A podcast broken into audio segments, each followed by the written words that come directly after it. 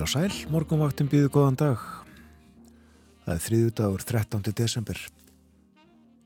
Klukkunum vantar 9.37 um sjónumenn morgunvaktarinnar Þórun Elisabeth Bóadóttir og Björn Þór Sigbjörnsson. Við hugum að verinu, sjáum hvernig viðraði á landinu klukkan 6 fyrir tæpri klukkustund. 6 steg af frost í Reykjavík, nánast logn. Svipa viður á Kvanneri, 5 steg af frost þar, 3 metrar af austan. Einstigsfrost í Stikisólmi, skíjað, 7 metrar norðaustan þar. Og tvekja steg af frost bæði á Patræsfyrði og í Bólungavík. Heldur kvassara í Bólungavík, 9 metrar þar norðaustan, 4 metrar á sekundu og Patræsfyrði. Einstigsfrost á Holmavík, en 10 metrar. Þryggjastega frost á Blönduósi, fjórastega frost við Söðunarsvita, mínus þrjár gráður á Akureyri, fimmstega frost bæði á Húsavík og á Rauvarhöfn og einnig á Skeltingstöðum og á Eilstöðum. Nýju metrar á Skeltingstöðum, átta á Eilstöðum og þar snjóaði svo litið fyrir 50 mínútum, lítils átt að snjókoma. Og eins og tveggjastega frostundi vatnajökli á kvískerjum og höfni hortnafyrði og vinduninn svona í kringum 10 metrar á sekundu norðaustan þar fjórastega frost á kirkjubæðaklaustri fjórastega frost líka í árnesi 10 metrar á sekundu þar einstigs hiti á stórhauða í Vestmannegjum, hægur vindur og tíu stega frost víða á hálendinu Og þá að horfunum Norðan og norðaustan 8 til 15 metrar á sekundu í dag og jél norðan og austanlands. Kvassast á annesjum en hægara og léttskíjað sunnan og vestan til. Dregur úr vindi í dag og verða 3 til 10 metrar á sekundu undir kvöld. Dáli til jélum landið norðaustanvert og einnig seðist en annars yfirleitt bjartviðri. Á morgun austlæg átt 5 til 10 metrar á sekundu og víða dáli til jél en norðlægari átt austast á landinu og yfirleitt bjartviðri á Vesturlandi. Frost bæði í dag og á morgun, 2 til 12 stig, kaldast inn til landsins. Og á fymtudag verður áfram fremur hæg norðanátt með dálætli mjöljum fyrir norðan og austan. Talsvert frost um allt land næstu daga, áfram þessi 20 stiga frost í spáni á fyrstu dag. Og uh, svo er kannski fínt að nefna það þó að langt sé í það að það er útlitt fyrir norðan storm með snjókomu eða skafræningi á sunnudag og eh, að sá stormur haldi áfram á mánudag. Það er mynda. Og það er vetrarfærð. Já, hálka á öllum leiðum og snjóþekja sem staðar. Já, en áfram ágættis ferðaveður fyrir utan þetta, segir eh, vegagerðin. Það er að segja að það er hægur vindur mikið til úrkomi löst en eh, þarf þetta að fara mjög varlega í hálkunni. Og þegar ég keður um þjóðveginna er ágætt að hlusta á þægilega tónlist og syngja með. Já, heyrum nýja útgáfu af þekktulagi Magnúsar Eiríkssonar og þú.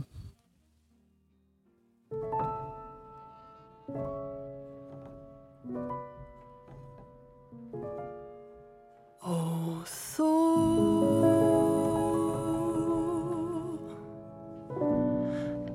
Engin elskar eins og þú. Engin brosir líkt og þú.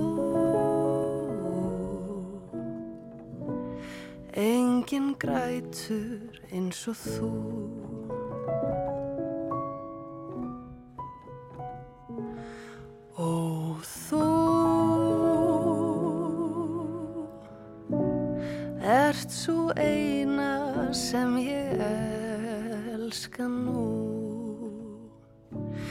Fjarið þér hvar sem ég er.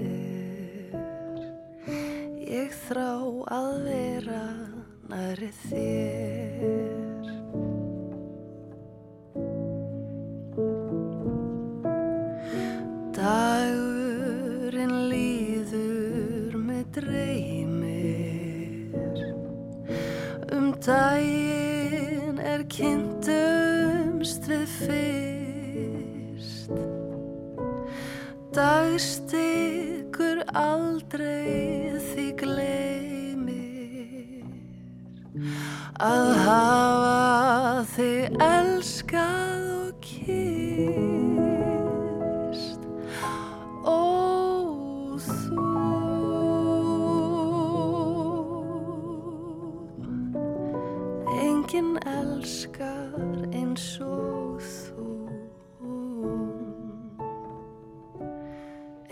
Enginn brosi líkt og þú.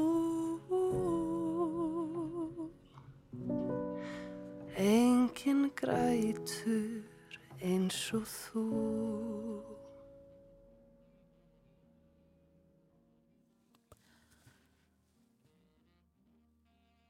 GTRN Guðrún Ír Eifjörð og Magnús Jóhann Ragnarsson með þetta lag og þú, þetta er af uh, plötu sem þau gáð út fyrir á þessu ári tíu íslensk sönglög. Ég held að nýju af tíu séu uh, lög eftir aðra svona í nýjum búningi eins og þetta lag. Með mannakornum upphálega Við förum að leipa fréttastofinni að, koma morgun fréttir eftir nokkra mínútur. En ímislegt á dagskroni hjá okkur, eh, meðal annars fasti liðir eins og spjallum efnahagsmál og samfélag, eh, Berlínar spjall og svo ætlum við að ræða um þriðja æfiskeiðið sem á að vera það besta. Við lítum líka í blöð og spilum meiri tónlist en hleypum fyrst auglýsingum og svo fréttum að.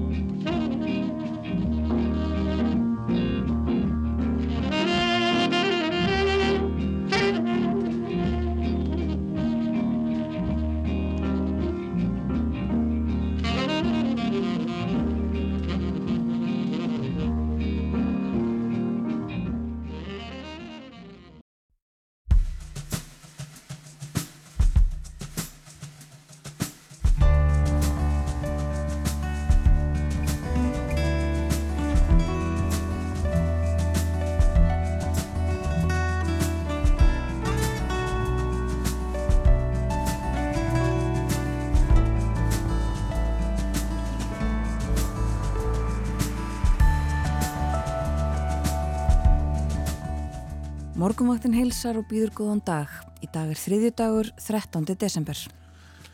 Er Reykjavíkuborg á höstnum og reksturinn í mólum eða er staðan eðlilegi ljósi aðstæðana og er vel haldið um mál?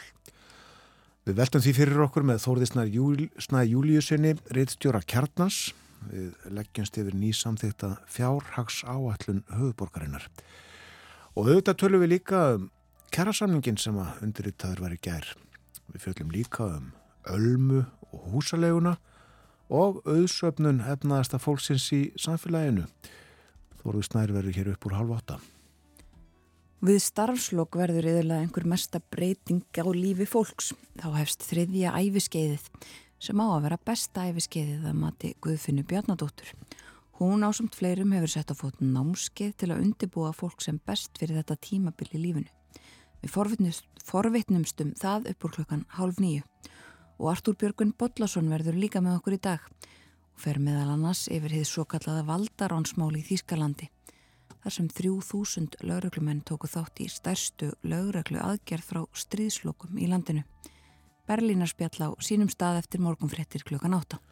Umsjónumenn morgunvaktarinnar eru Þórun Elisabeth Bóadóttir og Björn Þór Sigbjörnsson.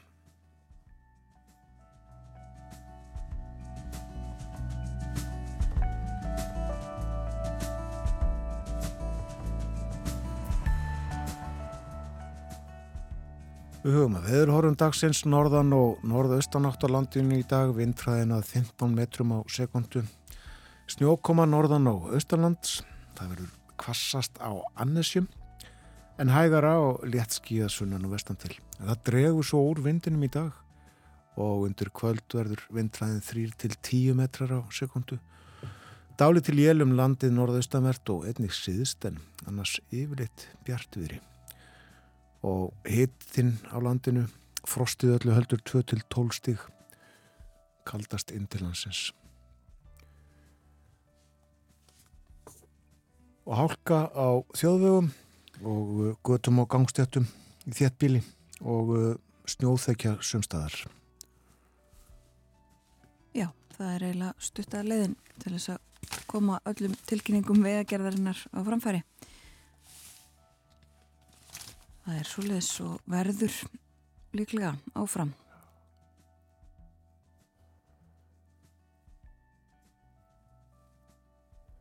Nú við lítum í blöðin, eh, ég enda bara með fréttablaði hérna fyrir fram á mig. Á fórsíðu þess er hann Hussein Hussein frá Írak sem að eins og fólk mann var vísað á landi á samt fleirum fyrir nokkrum vikum. Og uh, hann sjálfur tekin úr hjólastólunum og settur inn í bíl á viðum lörglunar fluttur til Keflavíkur á flugvöldin og flóið til Greiklands En hann er sannsagt komið til landsins og uh, fjölskyldan hans öll. Og uh, gær þá fjall dómur í hérðastómi þess efnis að brottvísun þeirra sískinuna hafi ekki verið lögum sangkvæmt og uh, rætt við sístur hans í gær sem að uh, urðu einnig bísna þekktar á landinu. Voru í fjölbröldaskólinu við Ármóla og gekk vel í náminu. En uh, vísað úr landi á samt fleira fólki þarna eins og við munum. En þær eru komnar aftur og uh, voru spenntar fyrir að fara í skólinu í dag. Já. en fjallaðum já, kjara samningin í forsýðu fréttinni. Undirritaður í gær samningar tókust í fyrirnótt og svo fór fólk heim og lagði sig aðeins og hittist svo upp úr hátegi og skrifaði undir. Frangatastjóri samtaka atvinnulífsins segir það þrekvirki að það var náð samkómulagi í tæka tíð. Og uh, að er haft eftir honum hér við náðum samkómulagi sem nær til afskaplega stórs hóps í vaffer, líf og samflóts yðnaðar og tæknifólks og með því höfum við lokið kjara viðræðum við 80.000 lönumenn og það var því vel tilefn til að fagna með vöflum.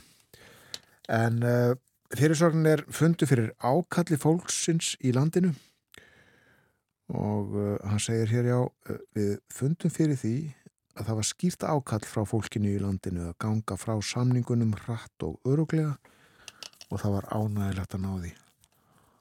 Þetta var gríðarlega erfið samningalota og stóðum tíma mjög tæft. Tíma gæti ekki útlokað að þessa viðræður myndu fara út um þúur en útkoman er ánægileg. Og svo sé ég hér á mbl.is rætt við Bjarnar Þór Sigursson sem er stjórnamaður í Vaffer satt í samningarnand félagsins. Hann segir að fulltrúar Vaffer hefðu auðvitað vilja fara lengra í kjærasamningunum með því að vera betur stilt saman öll þá hefðu það hugsanlega geta gerst þá á ég við hreyfinguna í heilsinni. Það er mikill samhugur í stjórn VFR það voru allir óanaði með þetta við aftur á móti töldum að svo konu máli virtist ekki meira í spilunum. Já, og þetta er einmitt líka fórsið efni á morgunblæðinu undir fyrirsökninni Þólinnmæði og Þraut segja skiluðu kjærasamningi farið yfir þetta og sömu leiðis uh, nefndar þær uh, aðgerðir sem að stjórnvöld ætla að ráðast í uh, til þess að og, og gerðu til þess að liðka fyrir. Voru kynntar breytingar á barnabóta og vakstabóta kerfum og áhersla lögð á að fjölga íbúðum og auka stuðning við barnafólk segir hér. Og við ræðum þetta uh, þegar Þorðusnar Júliusson kemur til okkar upp úr klukkan halv átta nánar. En uh, fórsýðu myndin á morgunblæðinu er uh, af varningi. Best að lesa bara fyrirsögnuna hlýjar kveðjur og nýju tonna varningi til Úkrænu. Hérðan fór í gær uh, kanadísk herflutningavél með nýju tonn af uh, fötum, hlýjum fötum til Úkrænu. Uh, stór hluti varningsins afrakstur sjálfbóðavinnu þúsunda Íslandinga undarförnu segir hér og haft eftir Þórtísi Kolbrúnu Reykjörð Gilvadóttur utaríkisráð þeirra það sem við erum að gera hér er raunverulegt framlag og skiptir raunverulega máli fyrir kaldar vikur framöndan og uh, svo önnur frett sem ég ætla að nefna uh, tala við doktor Stefáníu Þorgirstóttur uh, hjá tilrönnastöð Háskóla Íslands á Keldum Hún fer fyrir á Íslandi evrósku samstarfsverkefni um rannsóknir á riðu í söðfi sem að fekk nýlega 190 miljónu króna Evrópustyrk. Þetta verður sérstaklega rannsakað á svona vísendamönnum frá Þýskalandi, Stóra Breitlandi, Fraklandi, Spáni og Ítalju. Og vonast til þess að vita eftir þrjú ár hvort að hér er einn riðustofn eða hvort eru fleiri og verða skoðaður skildleiki við riðu í öðrum kindastofnum. Og uh, frá landbúnaði að sjáurútvegi austurfrett segi frá því að minna fannst af loðnu í leitarleðangri sem að farin var í síðustu viku en vonast þar eftir. Þess vegna verður ekki gefin út aukin kvóti að sinni. Rætt er við Guðmund Jóð Óskarsson, hann er sviðstjóri uppsjóaveiðisviðs Hafrannsóknarstofnar og hann segir niðurstaðin er svo að það er lítið gengið inn á svæðið en við væntum þess að loðnan liggi enn undir ís fyrir norðan. Við sáum loðinu við hafís röndina fyrir norðvestanland sem er klár vísbendingum að við séum að missa loðinu undir ístum. En uh, Hafaransvonarskipin Árni Friðriksson og Bjarni Sæmundsson voru við leit í viku eða svo og komið til Hafnar í fyrradag og uh, fór beitir frá Neskjöpstað á móti skipunum úr Östri og uh, Guðmundur segir að minna hafi sérst af loðinu í leðangreinum en vonast var eftir og lítið sem ekkert fyrir austan Kolbinsegar hrygg beitir hafi nánast ekkert fundið og rannsóknarskipin ekki heldur síðustu tvo daga leðangursins og því engin ástæði til að breyta kvotanum að svo stöttu. En uh, um 140.000 tonn koma í hlut íslensku skipana á vertiðinni og þetta með að við ráðgjöf sem að gefum var út í haust Það stendur til að fara annan leðangur um miðan januar og árangurinn úr honum ræður endanlegum kóta segir í frétt, austufréttar. Minnir að hafa veðist upp undir 900.000 tonn á síðustu lónuverti þannig að þetta er miklu, miklu, miklu minna en það. Já. Ég var að hlusta á eitt lag áður en að við förum út í heim og mögulega aftur í tíman. Heyrum eh, Díunu Król syngja Just the way you are.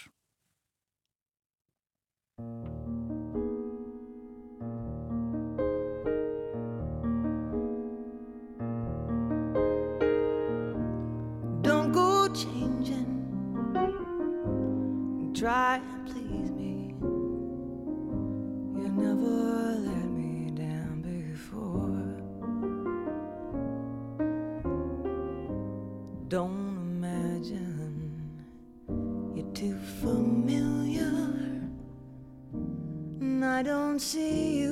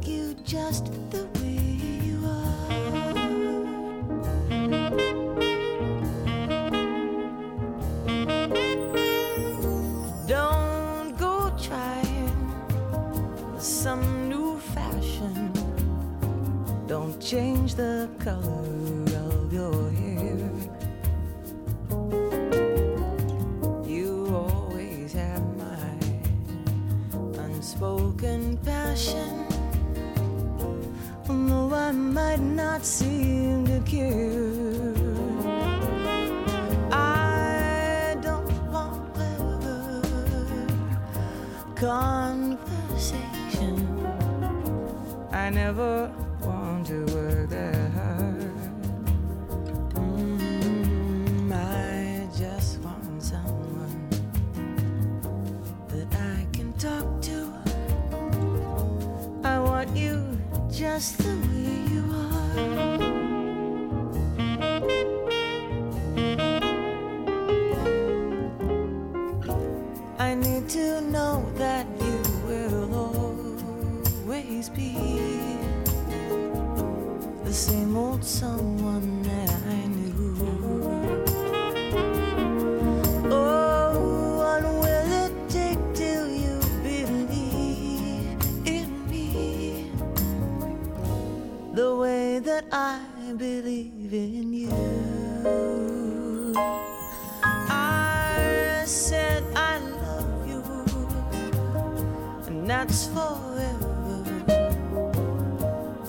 promise, I promise.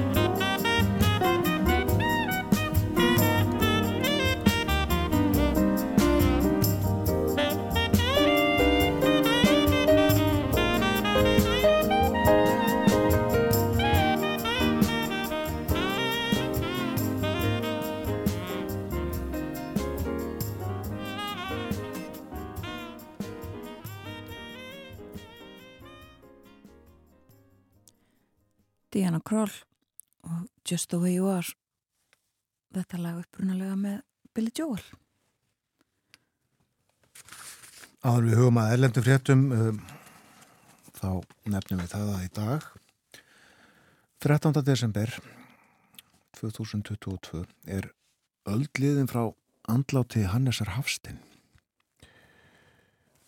og uh, daginn eftir að hann lést var frá því greint á fórsíðu morgunblaðsins og þar sagði klukkan tíu í gjármorgun andaðist Hannes Hafstein á heimili sínu hér í bænum og hafði hann svo sem kunnut er svo árum skipti, leiði rúmfastur og oft sárþjáður. Á lífi hans urðu snögg og mikil umskipti, hann misti konu sína sömarið 1913 og tók sér það mjög nærri. Egi miklu síðar misti hann heilsuna af slægi og þótt hann starfaði nokkuð eftir það var hann aldrei heilbriður. Brátt fór líka svo að þessi sjúkdómur lagði hann í rúmið og er nú langt síðan að auðsætt þótti að honum myndi aldrei verða bata auðið og að dauðin hliti að verða eini endurinn á þjáningum hans. Á besta skeiði var hann sviftur heilsu og kröftum mitt í starfi og stríði lífsins og þar var stort skarð högvið. Hann var forvíismadur íslensku þjóðarinnar, meira metin en nokkur annar og var meira og meira að ná almennt, almennri tiltrú og vinsældum án tillits til flokkaskiptingar og einstakra deilumóla. Það hrigði því alla er hann misti heilsuna og starfskrafta. Allir fundu að burt var kift af starfsviðinu, mesta og besta kraftinum. Lengi mun þess verða minnst kvílikt glæsimenni Hannes Haftin var. Þegar á ungum aldri fekk hann mikið orð á sig fyrir gáður en hugur hans nýð þá allur að listum og bókmyndum. Hann var snemma orðin þjóðkunnugt skáld og alla tíð síðan hafa landan hans haft miklar mætur á hveðskap hans en karlmennska og heilbriði lífsgleði er þar megin þátturinn. Um færtugt tekur Hannes Hafstein að gefa sig að stjórnmálum og urðu þau eftir það aðal starf hans. Þar var þann brátt fremsti maðurinn. Hann var nýk komin á þing er vinstri menn komið til valda í Danmörku og líkindi gerist til þess að henn langa stjórnmála deila sem Íslandingar höfðu átt í við hægri mannastjórn Dana erði útkljáð eða kæmist að minnsta kosti inn á nýjar brautir. Hannes Hafstein var þá valin af meiri hluta alþingis til þess að fara á fund nýju stjórnarinnar dönsku og tólka, tólka fyrir henni málstað Íslandinga. Þetta hafði þann árangur að við fengum innlenda stjórn í ársbyrjun 1904 og varð Hannes Hafstein þá fyrsti íslenski ráþrann. Og hún var lengri þessi fórsíðu frétt morgunblasins og önnur blöð sáðu þetta líka frá. Og við getum þess að uh, hjá okkur í útvarpinni í kvöld verður þáttur sem að Gunnar Stefansson gerði fyrir nokkur hann fjallaði um skáldið Hannes verður leikin hjá okkur um, í tilhætniða því að í dag er liðin 100 ár frá andlið andláti Hannesar. Já, verður að dagskrá klukkan 21.20 í kvöld. En örstutt út í heim og uh, skulum segja stuttlega frá uh, dönskum blöðum, dönsku stjórnmálunum. Uh, þar er sagt á fórsíðuna politíkan að, að já, Jakobs Ellemann Jensen það sagt að hann hafi sagt já við Mette Freiriksen gæti kostaðan mikið en líka gert hann einn af stóru leðtögum venstri flokksins uh, sem sagt um, hafi sett allt á borðið uh, hafi veðjað öllu í þetta. Og fórsíðan og informasjón er líka af dönskum stjórnmálum það sem segir að bæði Elman Jensen og Lars Lökke Rasmussen þeir hafi já, eigi nú erfitt með sín eigin lofórð, sín eigin yfirlýsingar í aðdraganda kostninga þegar að þeir, að voru þeir sem að eins og það er orðað hér svona byggu til söguna um það að það væri hægt að fara í, í mál við Mette Freiriksen vegna uh, mingamálsins svo kallaða dragana fyrir uh, rétt og fá óháða lögfræðinga til þess að um, gera rannsókn líka á þessu mingamáli og nú uh, hafið það í rauninni komið í bakið á þeim báðum. Ég er erfitt með að stiga tilbaka en dönsk stjórnmál koma líklega við sögu hjá okkur á morgunvaktinni á morgun í fyrramáli þegar að Borgþór Artgrímsson verði með okkur. Aðeins af uh, öðrum fréttum. Það er uh, fjallaðum Úkrænu auðvitað víða og uh, sagt frá því Erlendum fjölmjölum að Selenski Úkrænu fórsiti hann greindi frá því gerðkvöldi að hann teldi eða stjórnvöld í Úkrænu teldu rústnesk stjórnvöld verið að undirbúa aðra hreinu loftarosa á orku innviði í Úkrænu og uh, hann saði frá þessu í, í sínu ávarpi í gerðkvöldi, daglegu ávarpi. Og líka verið fjallið um það að, að uh, þetta stóra stærsta kjarnorkuver í Evrópu sem að er í Úkrænu en undir stjórn rúsa uh, sé í rauninni já það er bara sé afskaplega erfitt ástand þar og uh, mjög lítið þurfi út á að bregða til þess að illa farið þar. Nefnum líka aðeins uh, fórsíðun á New York Times áhrifamikil mynd á fórsíðunni þar af uh, alltaf þúsund manns sem eru aðalega frá Nicaragua sem er á flóta og uh, á leið til bandaríkjana eða reyna að komast til bandaríkjana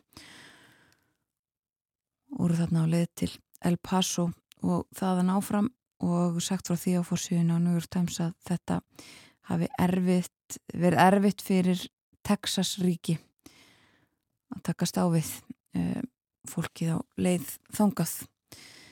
Meira af erlendum fréttum á eftir þegar að Artúr Björgum Bollarsson verði með okkur í Berlínar spjalli en það er komin tími til að leipa fréttastofunni að með frétta yfirleitt það kemur eftir tæpar fjórar mínútur.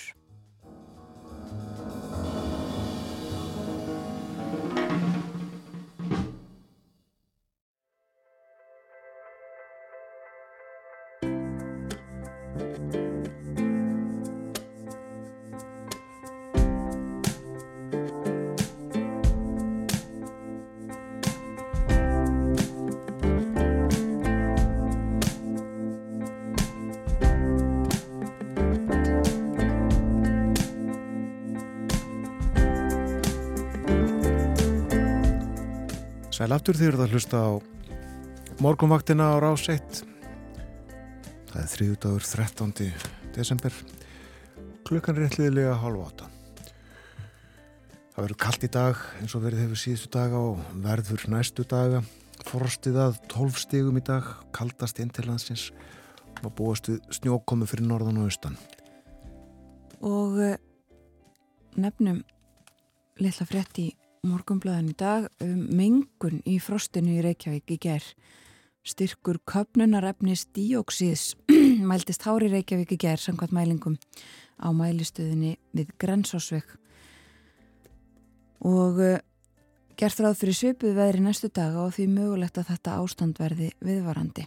Um, mikil mengun uh, yfir viðmöðun og styrkur brennisteinsvetnis fór einnig yfir sólarhings hilsuverndar mörg á mælistuð orku og náttúrunar í Norlingahorti holdi í ger og uh, þetta sem sagt já, viðvarandi ástand þetta stilt og kallt og allir bílarnir á flegi ferð og þá gerist þetta Það komið að spjalli um efna á samfélag. Þórðusnar Júliusson, reittstjóri kjarnansestur hjá okkur. Og uh, við ætlum að reyna að komast yfir margt í dag um, nýlega samþýtt að fjárhás aðallin Reykjavíkuborgar fyrir næsta ár. Talum alltaf neðurskurðin þar uh, er allt í steik, er uh, borgin á kúpunni? Eða er þetta eðlilegt svona í samræmi við ástandið í heiminum? Veltum því fyrir okkur tölum aðeins um Ölmu, þetta félag sem á fjöldan allan af íbúðum og leir út og uh, sumar á okkur verði byrjum á að tala um kjærasamningana sem að undirriðt þær voru í gær. Þóruður Stær, uh, það stóð tæft að þessi samningar tækjust segir uh, frangatastjóri samtaka atvinnulífsins í dag. Uh, hann segir líka að, uh, hann hafi fundið fyrir ákalli fólksins í landinu um að gerðir erðu samningar. Það er svona það færi stró yfir með þessu öll saman yfir samfélagið Eh, já, þetta er uh, svona, hvað við segja, samkómulega um opnali.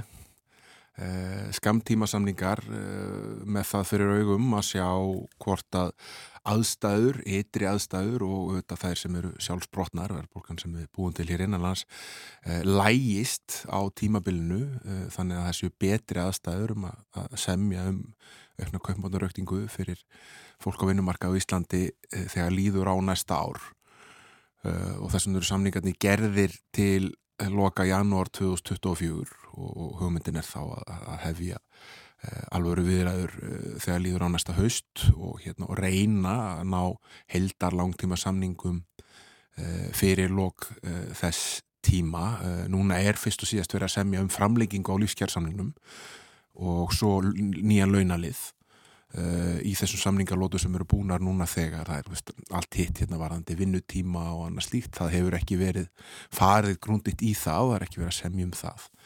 Þannig að núna er búið að semja fyrir 80% af almanna, almanna markaðinu svona cirka með því að grindvíkingarnir skrifuð undir líka í gær sem voru utan uh, þess uh, hóps innan starfskræðar sambandsins skrifa undur sín tíma, verkefælsfélag greinda ykkur, þá er ebling daldi einn eftir á almennamarkaðnum að, mista kosti langstæsti aðlinn sem er þar eftir og, og svo auðvitað eftir að semja við ofinbæramarkaðin.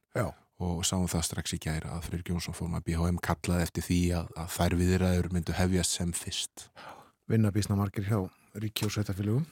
Já, 61.000 manns þar, þannig að hérna, það er auðvitað ímislegt eftir og, og mikið af uh, störfum í þjónustu sem er þar undir og, og það eru oft reynst þrautinni þingri að, hérna, að semja við þá hópa sem uh, telja sig ekki vera verlaða rétt á íslensku vinnumarkaði, þannig að hérna, það áttur að koma í ljós hvort að uppkomi uh, vandkvæði þar. Þetta er annar stóri samningun sem er gerður uh, þessi í gær og uh, fyrir uh, vikuð þarum byl við starfskrænarsambandið. Uh, þeir eru ólíkir þar að segja uh, starfskrænarsambandið sandi um króntöluhækkanir, uh, það eru prósentuhækkanir þessum 6,75%. Þegar við mátum það við 9% verðbólgu þá finnst mann það nú ekki gott. Nei og þess vegna hefur, hafa þessar aðgeri sem voru kynntar í gær á hendi ríkistjórnarinnar á móti, það er að segja að vera að hækka húsnæðisbætur og þá að hérna, kynna til ekki snýtt badnabóta kerfi sem reyndar var nú ekkit útskýrt neitt í þaula í gær, eh, svona bara breyðulinnar í því, eh, þá að hækka vakstabætur og annars líkt og það vantarlega er viktað inn í sagt, sá aðgerapakki til þess að halda fólki að minnstakosti svona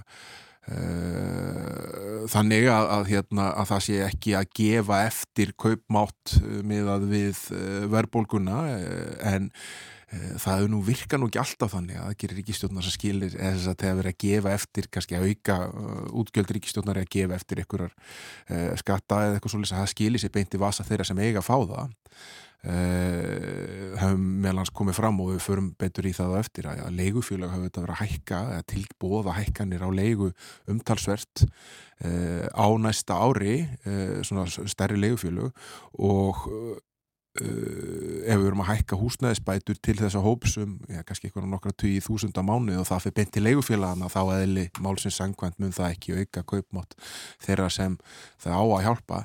Þannig að það, nei, það er ekkit í hendi með það að, að uh, þessi hópar veri varðir fyrir áhrifum verðbólkunar og sannlega launahækkun einu sér eins og hún tilkynnt 6,75% launahækkun í 9,3% verðbólku hún er augljóslega ekki að fara að brúa það byl þannig að hérna það verður bara dáltið að koma í ljós Uh, hvað uh, gerist á næstu missurum, hvort að hérna, það takist með einhverjum hætti að tryggja að það er kjarabætu sem er að koma uh, í gegnum aðgera pakka stjórnvalda skilir sér raunverulega í vasa þeirra sem það á að gera.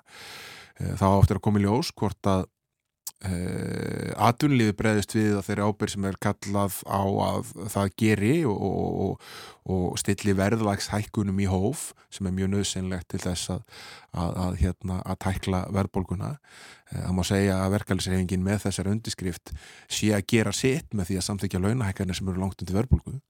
Uh, og, og þannig er, er, er vinnumarkaðurinn, er fólki sem vinnur að segja ok eða fulltrú á þeirra að segja við skulum taka þennan slag, nú er komað ykkur hvað er það að gera? Það voru allir ofan að saði eh, samlingamæðurinn hjá Vaffer morgun blæðindag Já, ég held að það hafði ekkit að fara um melli mála að Ragnar Þór Ingórsson virkaði óanæður mm. uh, hann hérna var nú bara eins og þrjumuski við, við, við undirskriftaborðið og, og, og letið sér hann hverfa mjög hratt og ekki þátt í myndatökum og uh, svaraði ekki fjölmjölum veitt engin viðtöl í gær þannig að það verður fróðulegt að sjá hvað hann segir í dag hann er búin að tilkynna það hann alltaf ræðið fjölmjöla í dag um það hvernig þetta horfur allt saman við honum en, en Stefán Ólafsson sér frá einhver eblingar sagði það strax í gær og það voru svona fyrstu viðbröð þeim ranni að hérna og svo virtist, að honum virtist sem svo að menn hafi samið á sér í, í miklum hafasti. Það er mjög óvinnilegt að sjá það að uh, fólk í einu verkefælisfélagi tali niður samninga annara félaga.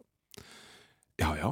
Það er margt mjög óvinnilegt við aðstæðunar eins og það eru núna. Það eru þetta uh, nýtt fólk sem eru á undarföldnum árum komið inn í verkefælsreifinguna og margt mun rótækara en það sem var þar fyrir og fletti og það hefur ekkit farið fram hjá neinum þau átök sem hafa, það hefur litað sér bæði e, gagvart aðdunir ekki síðar innan verkefælsreifingarnar þannig að hérna í ljósi þessa þá kemur það ekki mikið óvart að að svona fórsvarsmenn uh, stóra aðila innan verkefælsreifingarna séu fannir að gegna gott annan fyrir það að vera svíkja lit það er hérna eiginlega eitthvað sem er átti uh, frekar vonu en hitt.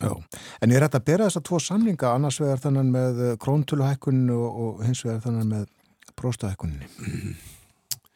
uh, Já Það, það er þannig að krónutölu hækkunar samningurinn hjá starfskrinnarsambandinu er þannig að grunninn hækka kauptakstar um 35.000 og uh, það er sagt, uh, þannig að lagfaringin á launatöflunni getur skilað hækkun sem getur orðið alltaf 52.000 á mánuði.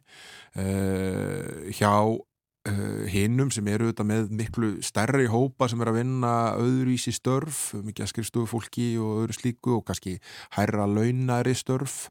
Það eru próstuhækkanir, að mildi hópar sem eru að fá próstuhækkanir og þar er sagt, þakið sett við það að hérna, 6,75% uh, launahækkun getur skil að, að hámarki 66.000 krónum.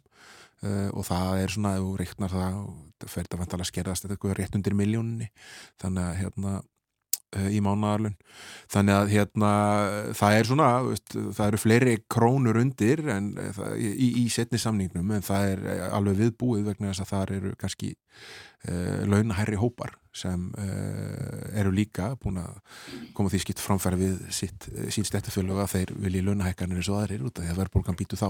Já, mm.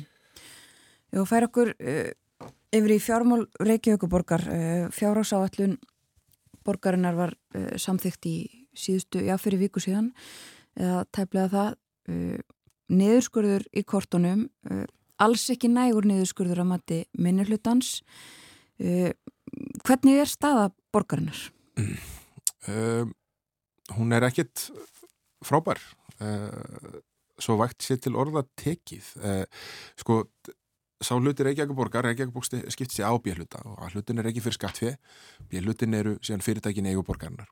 A-hlutin sem er reikin fyrir skattfið, hann var reikin, eh, hann tapaði 11,1 miljard á fyrstu nýju mánuðum ásins. Já og uh, vaksta kostnaður samstæðunar á bíðhlutans var 12,1 miljardi herri en áallanir höfðu gert ráð fyrir. Það er ekkert smá munur. Þar spilar auðvitað inn í verðbólka sem var ekki fyrir síðan þegar áallanir voru gerðar og því að hluta þessu lánasamningum eru verðtriðir.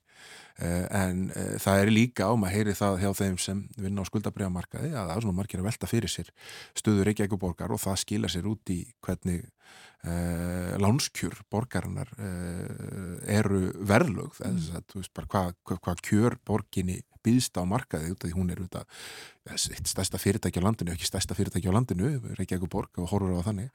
Og hún þarf uh, mikið að endurfjármagnar skuldir sem eru komin á gælda, skuldabrjáflokka og annað slíkt. Þannig að hérna þetta auðvitað hefur orðið ansi dögt, ansi hratt á þessu ári. Eh, þetta er önnurliðin og þetta er aflegging af því að, hérna, sem er gaggrinni sem hefur komið fram að, hérna, að borgin hefur verið að sapna miklum skuldum á undanfennunum, vaksið mikið, fjölga starfsfólki mikið, fjölga verkefnum mikið Uh, og svo auðvitað uh, var hún eina sveitafélag landsi sem hafði bólmakt til þess að svona, segja í upphafi koronavirufaldus ok, við ætlum að takla þetta þannig að við ætlum að vaksa út úr þessu, við ætlum að auka skuldsetningu og fjölga verkefnum og taka ídæðins á, á, á bensingjöfuna og hérna með það fyrir augum að það muni skilja okkur meiri tekjum til framtíðar og, og, og það, hérna, það sé ábyrgi hluturinn að gera í þessum aðstæðum. Uh, Hinliðin að þessu er það auðvitað og sem borgin hefur bent á og er líka réttnætt er það að, að uh, verkefni sem hafa fært borga, yfir til borgarnar ríkinu, frá ríkinu og sérstaklega málaflokkur fatlara uh, kostar miklu meira en það er tekið sér fylgdónum og þar munar mörgu mörgu miljörðum á hverju ári og þar er bara, er, hefur ekki verið úrlausn í sjónmáli enn sem komið er, það er ekki búið að leysa það mál. Og það bitnar eh, fjárhagslega harðast á Reykjavík sem er langstæsta sveitafélagið og með langmestu félagslegu þjónustuna Reykjavíkuborg er náttúrulega líka í málaferlum við, við Íslenska ríkið yfir því að, fá ekki ímsakar eislu til dæmis þess að stiðja við börnavelnundu uppruna sem aðrir fá og, og finnst hérna e, jöfnur og sveitafélag að veri beitt svona, það eru alls konar takmarkanir e, í útgærslu þar sem er hérna be, sem eru sérstaklega settar til þess að undanskilja innvörungu Reykjavík og svo frammeðis e, en það breyti því ekki að heilt yfir er staðan þannig að það var ekkert annað í stöðun en að fara að grýpa til stórtækra uh, aðgerða til þess að skera niður. Og það verður að koma í ljós hvort að þessar rúmlega 90 aðgerðir sem meirlutin bóðaði, hvort er dýi til. Uh, það er þetta þrýstingur á það að Reykjavík borg noti aðra önnutæki og tól til þess að rétta við, selja eignir uh, brjóta land, selja hérna uh, selja uh, undir hérna nýja byggð, mm. lóðir eins og nákvæmna sveitafjöluðin er að gera, sem til og meins í hafnaferði sem er tölverð mikið að lóðasölu sem skilar hafnaferði rétt að með við og það er ekki verið viljið til þess vegna þess að það eru auðvitað eina svona helstu möndur um þessar, þessar meiruluta á og, og, og svona kjarnas í þessar meiruluta sem setur Reykjavík. Það er þetting byðar og hérna og, og svona sjálfbær uppbygging borgar samfélags og það rýmar ekki við þá hugmyndafræði að fara að brjóta landi þess aflategna og svo eru við að horta á hvort er Reykjavík búið að selja ykkur eignir dótufélög, orkuveitunar og svo framvegis. Já Sko það eru bara sjö mánuðir frá borgarstjórnumkostningum. Ég man ekki eftir einhverjum sérstökum niðurskurðar og sparnaða tillögum í kostningabarátunni. Nei og það auðvitað sem hefur breytið sem mjög hratt er uh, verðbólgan og áhrif hennar sem hefur gert stöðuna miklu, miklu, miklu verri. Uh, það frýjar hins vegar ekkit þá sem sitja í meirulhutan undan því að hérna uh, að, að reyka ábyrga efnaðastjórn. Ég menna við búum á Íslandi hér hérna þartu að vera við öllu búin? Við erum í svona rússipanna hagkerfi sem eru skarpa dýfur og, og miklar hæðir.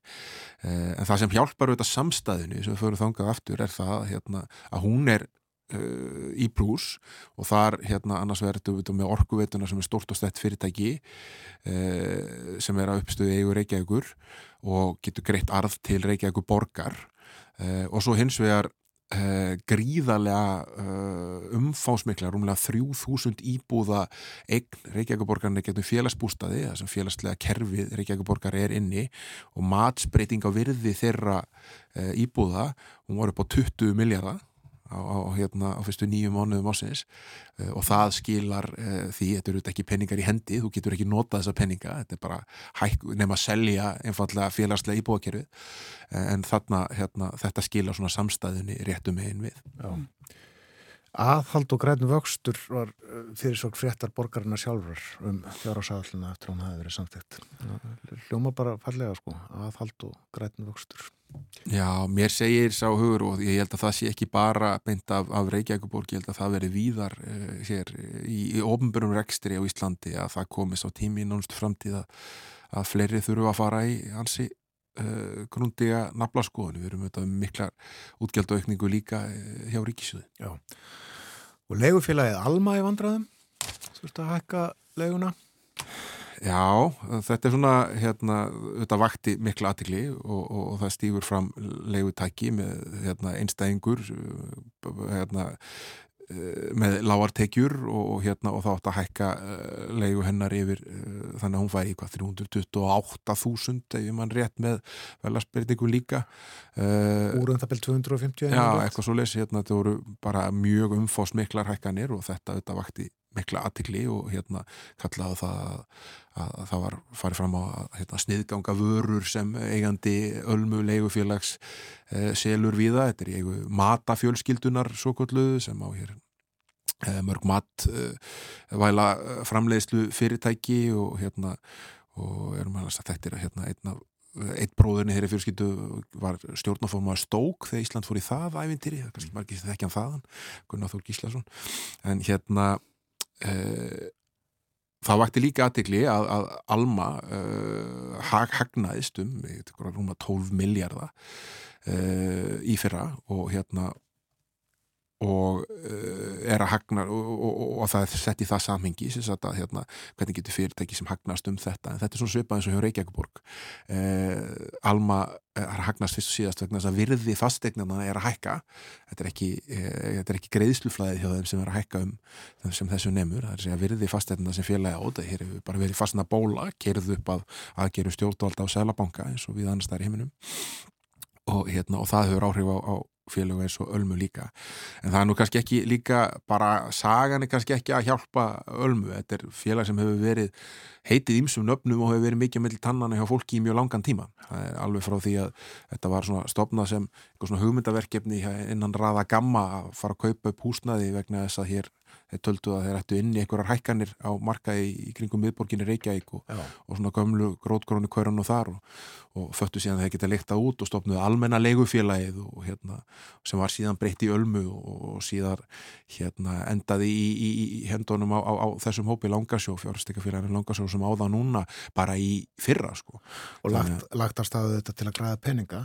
Nefnir það er auðvitað undirlikjandi í flestum viðskiptum, það er hérna markmiðið er það að, að að fjárfæstingar skili einhverju arseni. Já, en það er talað um leigu þak og ymmislegt í, í tengslu við þetta eftir þessar fréttir bárust af leigandan í hjálmu sem að þarf að borga 75.000 krónur meira á mánuði fyrir leiguna.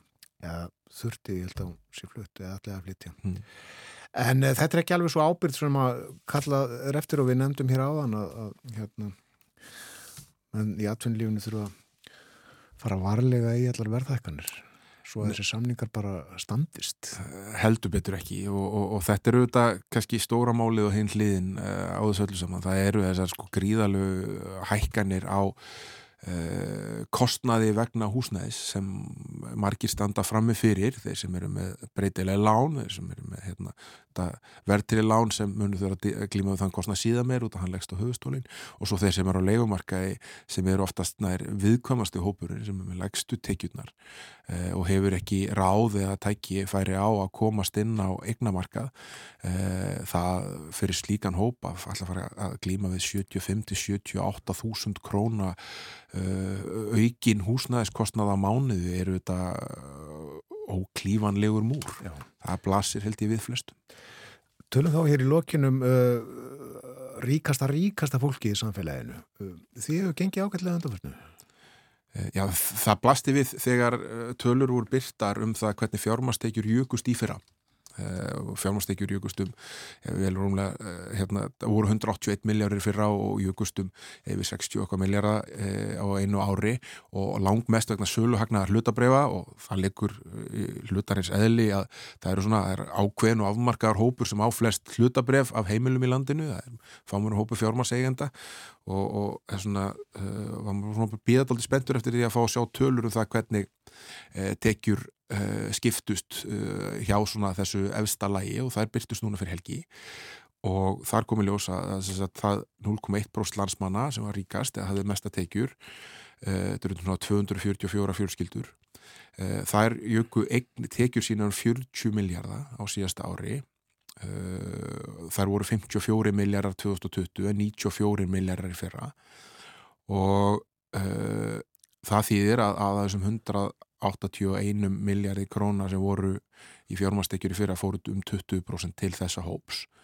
Og hinn 99,9% þjónuðu hinn 80% en það sem var aðdeklisvett og er kannski alltaf sögulegt og mjög fréttnæmt er það hlutfall heildatekna með fjármastekjum eh, hjá þessum hópi. Eh, það fór úr því að vera 2,6% 2020 í 4,2% í fyrra og það því, það er fyrsta sinn tölvöld langa tíma sem það hækkar svona skart og hlutvalli hefur ekki verið að herra síðan árunni 2007 og 2007 eru þetta orðið eitthvað svona íkonist ár Jó. fyrir það að vera hápunktur bankakóðar í sínum tíma Þannig að það er afleggingin líka af þessu sögutölum án þessum miklu aðgerum sem var gripið til hér á Íslandi að uh, egnir þessa hóps, þessara uh, 244 fjölskyldna, þær hafa hérna, blásið verulega upp og, og, og, og þau hafa hagnast mjög á þessu ástandi sem var skapað hérna, vegna aðgera til þess að breyðast við koronavirufaraldinu.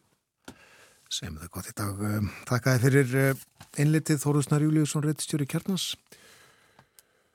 Meira setna en uh, farið var í dag yfir uh, fjármál Reykjavík og borgar þennan nýja kjærasamning uh, við tölum svolítið um ölmu og svo ríkasta fólki í landinu sem eh, verður bara ríkara og ríkara og ríkara. Frettirnar eru framöndan, kom eftir 5 minútur, fyrst fáið auðlýsingar og eftir frettir verður Artúr Björgun Bodlason með okkur Berlínar spjall á sínum stað á morgumvaktinni á þriðu degi.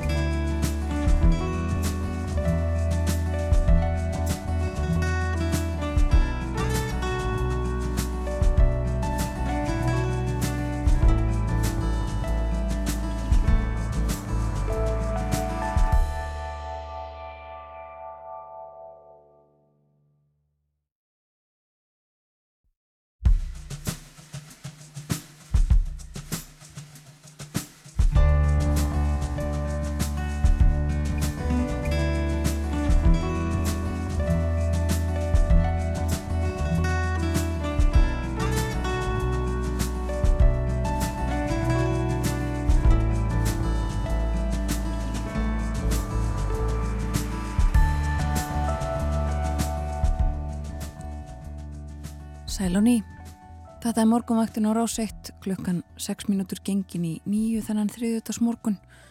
Það er 13. desember í dag. Og hér fyrir frettinnar var hjá okkur Þorðusnar Júliusson Rittstöri Kjarnans. Fórum yfir ímislegt sem við kjumur efnahags og samfélagsmálum. Eh, rættum um kjærasamningana sem undirritaður voru í gær. Meðal annars fjármál borgarinnar og sitt hvað fleira. Og hér á eftir þá ætlum við að velta fyrir okkur þriðja æfiskeiðinu. Guðfinna Bjarnadóttir verður gestur okkar upp úr klukkan hálf nýju.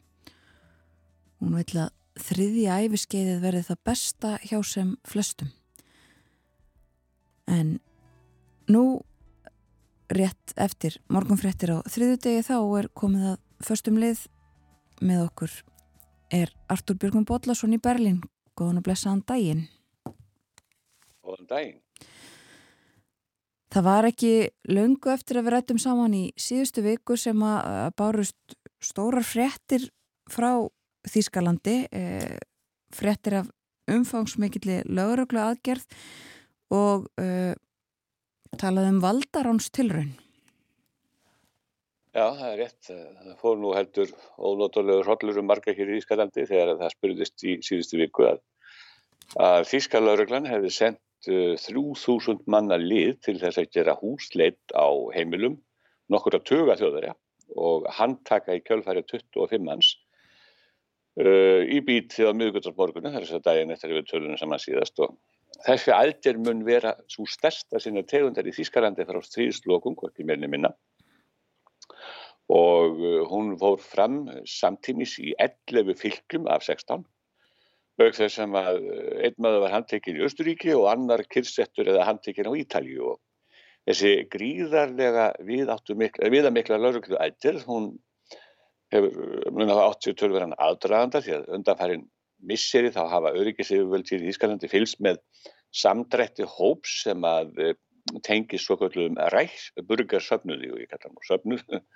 En uh, það er uh, svona fólk sem heldur því frem að, að Þýskaland sé ekki sjálfstætt og fullvalda ríki og þess vegna þurfum við ekki að fara eftir lögum þessa lands og þeir hafa kosið að lifa bara eftir sínum eigin lögum og, og gefa jáfnveg út sín eigin vegabrif og hafa reynda að notast við sín eigin gjaldmiðl sem er nú reyndar ekki verið tekið til greina mjög viða.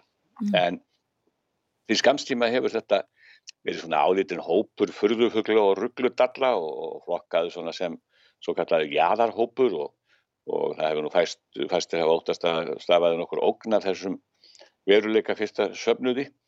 Uh, og hann hefur svona eiginlega verið settur á bás hér með svo kvöldluðum sértrúað eða auðgatrúa söfnuðum en hins vegar er því ekki leina að yfirvöld hafa haft tölverðar áhyggjur af því hversu mjög hefur fjölgað í þessum hópi eða þessum söfnuði síðustu árin.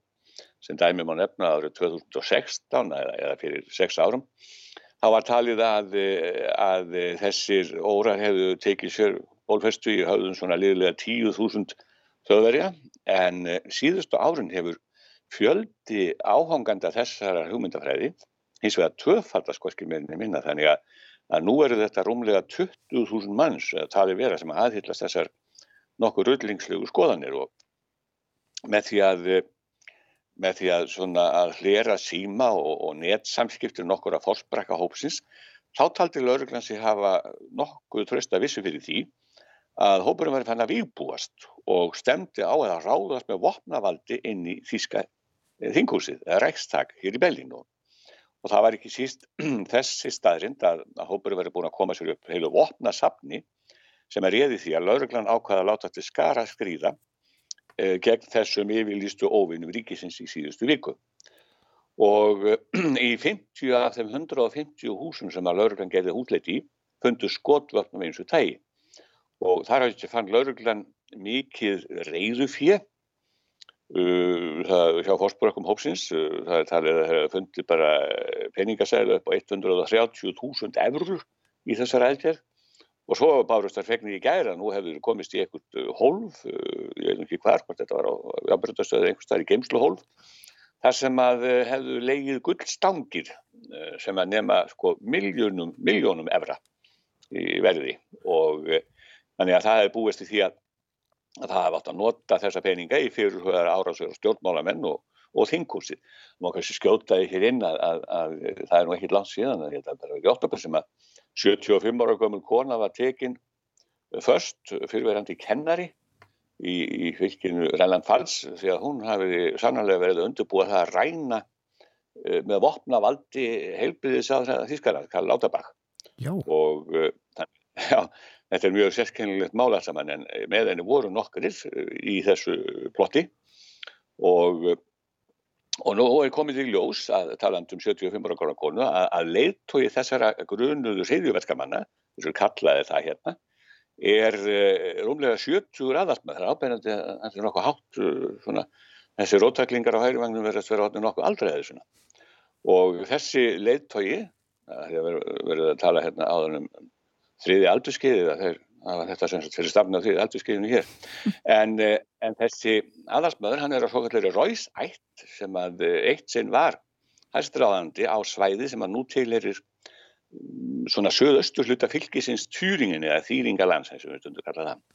Og þetta er aðtapnamaður sem að mér skilst að hafa um árabil verið að selja íbúður eða verið fastegnarsal í Frankúrt og hann kallaði sig Hinrik 13. prins af Rauðs hvorki meirinni minna.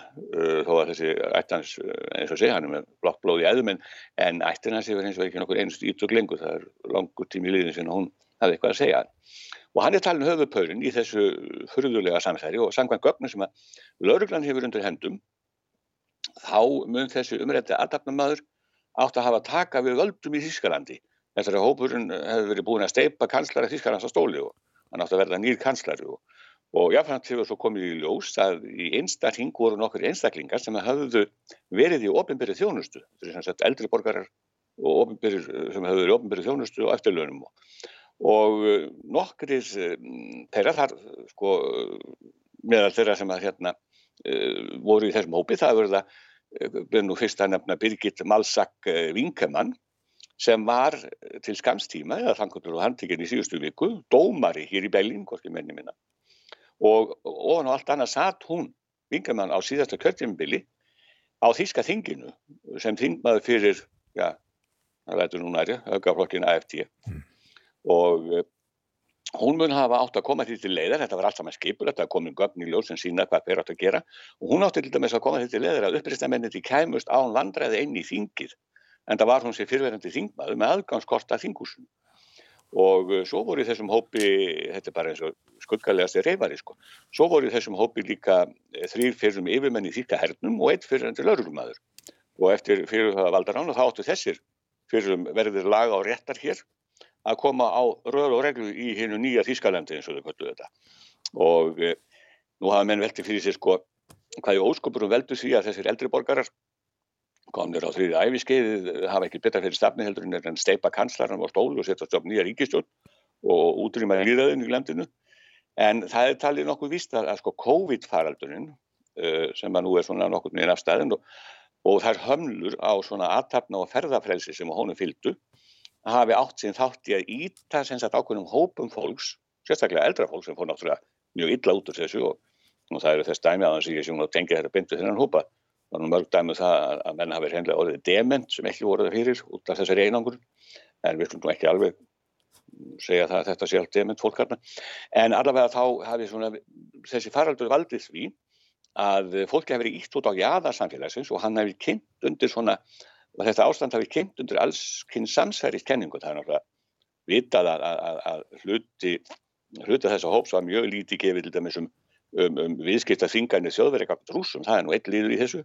Að eftir ég flokkurinn hefur jú viljað taka upp vinsanlega samskipta aftur rúsa og láta þetta láta þess að viðskipta þingarnir löng og leið og, og einhverjir úr þessum hópi uh, fóru jafnvel, það er komið í ljós til fundar við sjálfan Pútin í Rúslandi í þeirri vona að, að hann myndi leita þessari fyrirhugðu byltingu líð en uh, eftir því sem næst verður komist þá mun nú úsbóndin í Kremli ekki hafa sínt þessum uh, byltingamörnum frá Þískalandi mikið skilning og þeir fóru þar algjör að bólinni til búðarinn en almennt má sem sagt sko benda líka á að, að undarfærin ás, þetta kemur ekkert mjög óvasi þá hafa þýskir öfgamenn svona á hægri vagnum sem aðhyllast einhvers konar fasískar hugmyndir verið að færa störfist í aukana hér í Þískanandi og uh, ekki síst þeir sem að hafa látið sínar áráslega kvartir og aggressjónu bitna á einflýtjendum og hælisleitendum og þar má nefna til dæmis árás mjög herskára nínasista á, á Tyrknest heimili í bænum Mölni í Slefi Kolsettarlandi 1992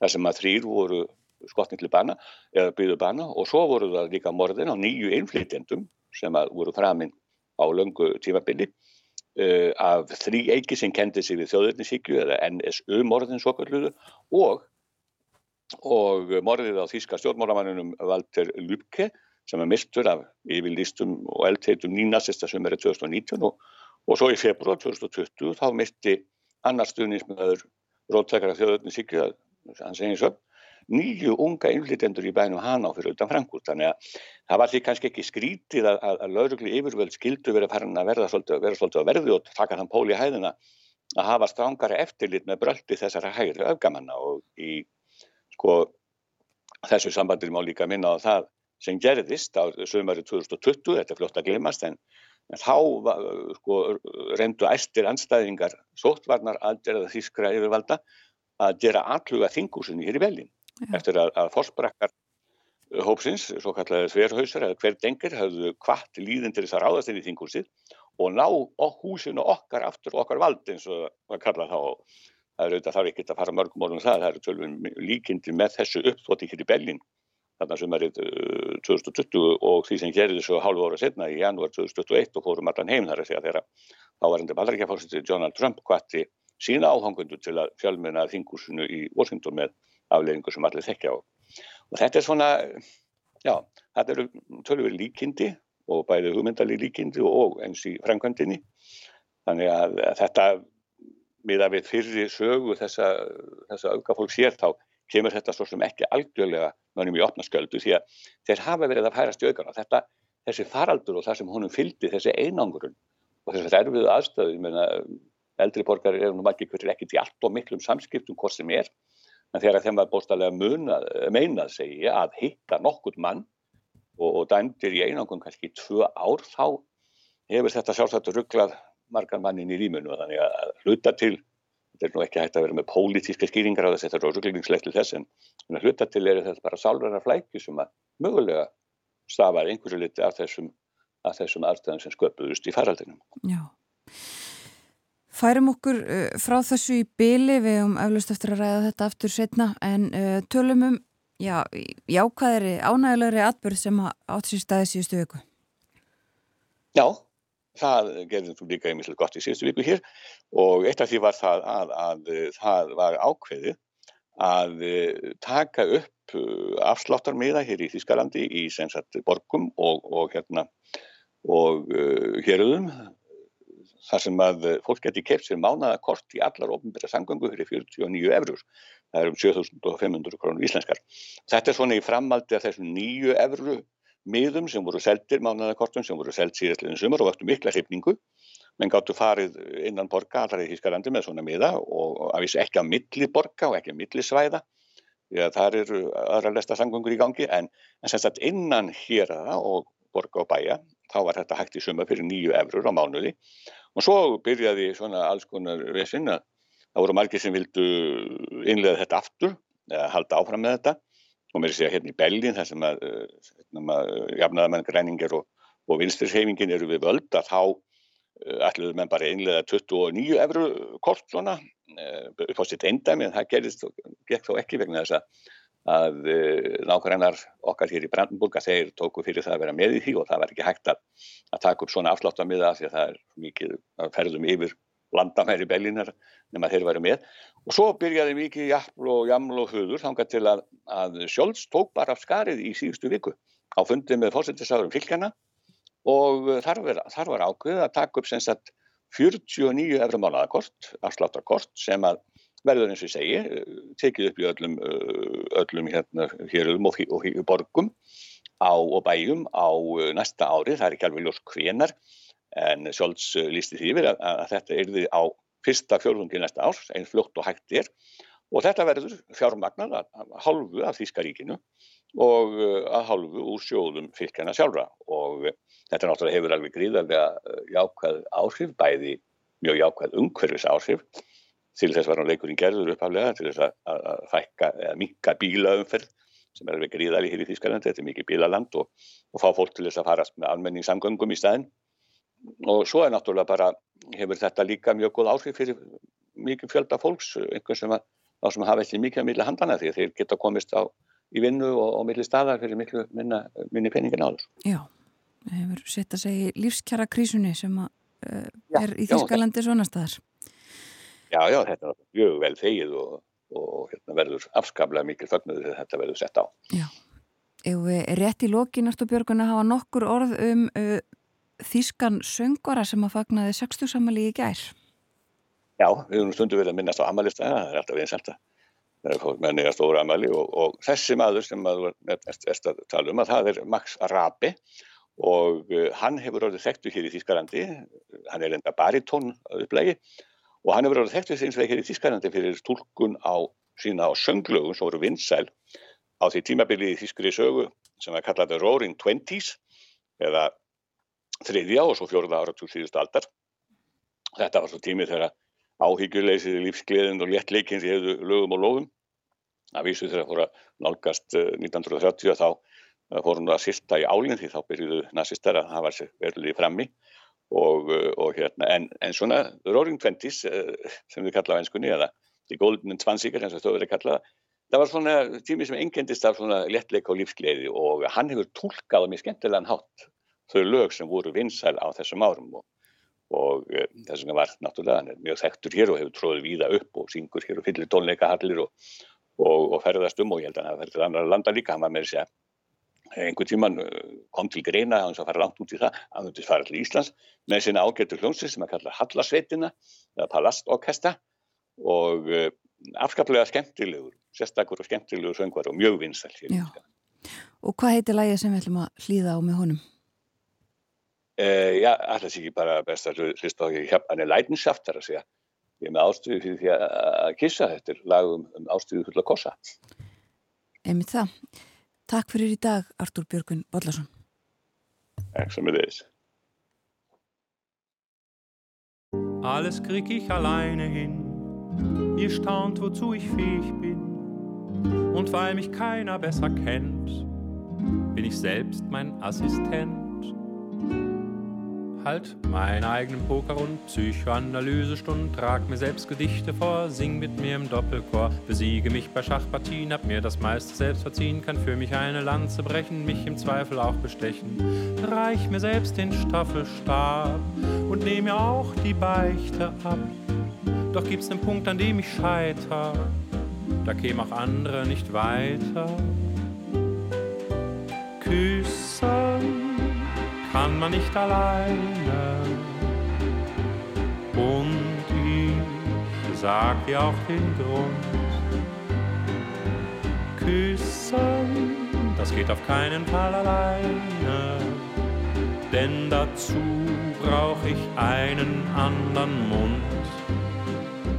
Allein ist das unmöglich, ich weiß genau, das geht nicht.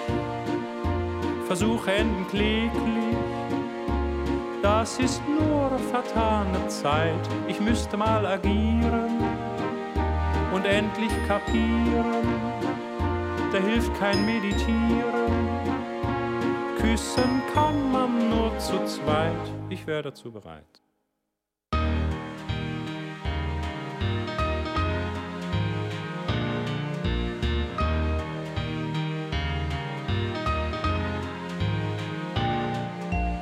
Habe mich sehr gut im Griff, bin mein Captain und mein Schiff, gerate ich auch mal in die Miesen, führe ich mich aus allen Krisen, spionier mich selber aus, stell mich ein und schmeiß mich raus, ich fahr mir hinten rein, hau mir danach aufs Nasenbein, ich les mir aus der Hand und klatsch mich an die Wand.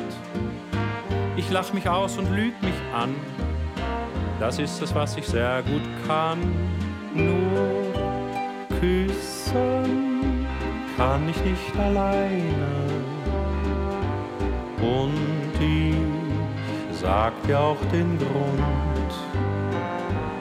Küssen geht auf keinen Fall alleine, denn dazu brauch ich einen anderen Mund. Du bist gerade hier, wie wär's, wenn ich mit dir die Sache mal probier? Küssen kann man nur zu zweit. Ich glaub, dass du Bescheid weißt. Die Lösung klappt zu zweit meist.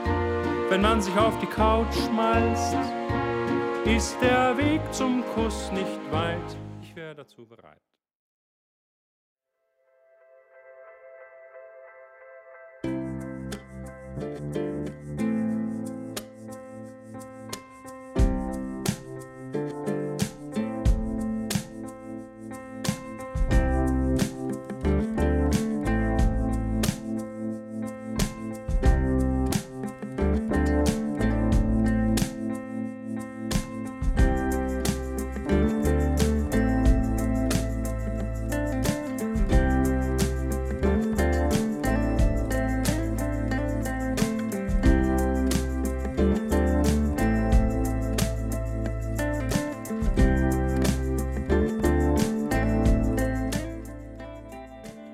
Þeir að hlusta morgumvaktin á rás 1 klukkan orðin rúmlega hálf nýju þannig að þriðutags morgun það er 13. desember í dag. Og lítum örsnögt til veðurs. Það er kallt á landinu öllu og verður það áfram næstu daga.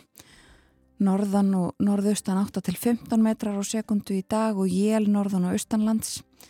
En hægari vindur og létt skíða sunnan og vestan til Það tregur úr vindi í dag og verða 3-10 metrar á sekundu undir kvöld. Dáli til jélum landið norðaustanvert og einnig seðist en annars yfirleitt bjartveri. Og frostið á bylunu 2-12 stig kaldast inn til landsins. Og eh, frostið svipað á morgun en þá verður austlæg átt 5-10 metrar á sekundu og víða dáli til jél. Norðlægari átt þó austast á landinu og áfram yfirleitt bjartviðri á Vesturlandi. Og við myndumst á það hér fyrir morgun að loftgæði og loftgæðamælingar síndu það í gæra. Eh, það var loftgæðin ekki eins og bestverður á kosið. Eh, það er hægt að fylgjast með þeim mælum sem að umhverjastofnun heldur úti á vefnum og eh, þau eru með ágætum í morgunsárið að minnst að kosti loftgæðin. Og einhverjar tölur sé ég orðið svona gular en að mestu leiti þá er þetta grænt og grænt er gott. Artur Björgum Bodlason var hérna með okkur fyrir uh, eh, frettæfilitið og við leikum í lok spjalls okkar lag með uh, þýskum söngvara sem að fagnaði 60 afmæli sínu í gær, Max Rabe Við eh, spiluðum ekki lægi sem að Artúr kynnti inn heldur lag sem heitir Kussen kann man nýtt aleni Leikum þetta í lókspjálsins sem fyrir segir. En nú ætlum við að snú okkur að öðru. Við ætlum að tala um þriðja æfiskeiðið eins og við hefum bóðað fyrir morgun. Við starfslokk verða yðurlega einhverjar mestu breytingar á lífi fólks og uh, þriðja æfiskeiðið á að vera besta æfiskeiðið fyrir sem flesta, uh, segir Guðfinna Bjarnadóttir, fyrirverandi rektor og stopnandi sprótafyrirtæki sem heitir Magna Víta. Hún er komininga til okkar og við ætlum að ræða um þriðja æfiskeiðið og ímislegt sem að því við kemur næstu mínutunar. Velkomin á morgunvaktina. Takk fyrir það. Förum fyrst yfir skilgreininguna á þriðja æfiskeiðinu. Já, það er ágættis hérna, hérna, umræðu efni vegna þess að, að það má eiginlega flokka lífið í þrent og það er gerna gert. Þá er fyrsti fasin undirbúningur, þá erum við í skóla og búum okkur undir þetta stórkostlega æfintýri sem lífið er. Svo er svona vinnutímabilið og að lokum þegar förstu starfi líkur þá er yfirleitt talað um að þriðja æfiskeiði hef, hefist. Já. Sumir endar miðað við 65 ára eða 67 ára en í raun og veru er það þessi funksjón þar að segja að þú hættir förstu starfi sem að ég hef kosið að nýta. Já og það getur auðvitað verið á einhverju svona aldur spili frekar en við ákveðið ár. Já. Já, en hérna því þú sagðir ég væri stopnandi að magna vita, við erum þrjú. Já. Með mér er Sigriður Álgersdóttir og Benedikt Álgersson og við hófum þetta samstarf fyrir rúmu ári síðan, svona kannski eitt og halvt ár síðan og hérna og vorum öll og erum öll á þessu tíma, að þessum tíma hætta föststarfi og hérna þá er auðvitað tímabart að velta fyrir sér hvað tekur við. Og ég hafi verið stött í bandaríkjónum 2019 og hitti þá prófessora sem hefði verið að kenna mér í, í doktorsnámi þar sem ég var í, í námi og manninu mínu líka þannig að við hittum nokkra prófessora uh, þetta var í júni 2019 og hérna og umræði efni við borði, þetta var svona matarbóð uh, fór fljótlega út í það að spyrja sko hvað er það sem að þið getið sagt okkur, þau voru náttúrulega eldri en við þessi prófessorar, yeah. hvað ráð hafið á, fyrir okkur vegna að maðurinn minn er að fara á eftirlaun og hérna og þá upphóðust ofsalega skemmtilegar umræður en fyrsti sem tók til máls heiti Joe Super og sagði muni bara eitt. Aldrei ég ætla að nota einskuna mm -hmm. never retire from something. You have to retire to something. Og það var náttúrulega næsta spurningi mín. Og í hvað fórst þú? Og þá var það hann og konan sem fóru til Östurlanda fjær og lærðu að verða tai chi meistarar og fyrir mér þá var þetta svona vakning vegna að hugsa með mér þetta er svolítið skynsalegt þú ert að fara inn á dæfiskeið og gerir eitthvað sem er virkilega gott fyrir líkama og vantala sál og, og allt það og vinnur þá með því sem að hérna lífi býður upp á. Já. og þetta var til þess að ég hugsaði með mér í fyrstu að skrifa bók bara með því að sapna saman, ráðum og gera þetta svolítið skemmtilegt og spennandi en stuttu setna þá hitt ég Benedikt Olgesson sem var nú eiginlega kvatamaður að, að því að setjast niður og, og ræða mögulega stopnin einhvers fyrirtækis að þá fórum við að tala um það að býtu það er eitthvað sem við gerum sem við eigum að gera sem auðgar lífið og gerir þetta æfiskeið mögulega því besta í lífinu mm. og ég var alveg til í að ræða þessu fórsendum og ég auðvitað komandi frá háskólanum hérna var það fyrsta sem mér fannst uh, liggja borlegjandi er að búa til einhvers konar nám, að búa til einhvers konar hérna, umgjörð sem hjálpar okkur að ganga í gegnum þetta og undirbúðan að fasa. Og, hérna, og þannig byrjuðu við en við erum með marga aðra þætti undir og eitt af því sem ég tók eftir það er hérna bara viðhorf og viðmót gagvar þeim sem er eldri. Mér finnst ekki nógu gott hérna heima á Íslandi alls ekki, maður eh, horfið til forgríkja og hugsa með sér því líkir hérna öðlungar þessir öldunga hérna ráðsmenn og vantalega ekki þó konur. En hérna en við þurfum aðeins að skoða þá. Svo ég hitti Braga Valdimar í byrjun þess, eh, síðasta sumars og hérna við rættum með mitt á þessum nótum bæði hann og, og, og ég og svo Jari sem erum hjá Brandeburg það þarf betri orðaforða og meira Þetta er nefnilega svo auðugt mannlíf, þannig erum við komin á einan aldurstíma og flest eru við bara, við erum eins misjöfni eins og við erum mörg. Já, en finnst þér þetta viðþorfið gagvart eldra fólki betri annar staðar? Nei, ég bara þekkið ekkert svo mikið annar Nei. staðar. Það eina sem ég miða við er bara að, að hérna, ég þekki náttúrulega marga á þessum aldurskeiði, fólk er dýbra, oftast nær, vitrara, hefur opbáslega margt fram að færa, er ekki eins flinkt í tölvu og tækni eins og margir þeir sem ungir eru en reynslan er búin að gefa þeim alveg opbáslega mikið samengi mm. og þess vegna finnst mér svo sárt að vera að íta fólki svona út af vinnustöðunum jafnvel innan við 60 og, og hérna og þá finnst mér að það sé hvar varst þú fyrir 30 árum Þórun Elisabeth? Hugsum aðeins, já. já, það hefur ímislega skeið á 30 árum já. og það eru nú margir búin að skrási í þetta nám hjá okkur í Háskólum í Reykjavík sem heitir Magnavíta námið og ég líti yfir hópin og þú veist það eru flestir sem að ég myndi spá að ættu alveg 30 góða ára eftir já. og hvernig ætlum að verja þeim árum? Mm -hmm. Vonandi ekki fyrir fram á sjónvarpið, vonandi ekki í sófanum, heldur að vera virk og svo líka horfið maður á fleiri þætti eins og hvað er það sem fólk hefði óska sér á dánarbeði að hafa gert meira af? Já. Og það er svo margt sem að kemur í ljós þar. Það er einmitt þetta félagslega og fjölskyldan sem er þá hvað, hvað mikilvægast og eins að hafa ekki nýtt tíma betur. Að hafa ekki gert það sem að köllunin sagði mér. Já. Að ég held nefnilega að hver og einn einasti maður hafi sína köllun og, og sin, svona sína reynslu, sína köllun og eitthvað fram að færa fyrir heiminn. Mm. og ef maður sittur og, og, og hérna gerir í því þá bara líða þessi 30 ár. Já, en fyrir suma einmitt sko þá er köllunin vinnan.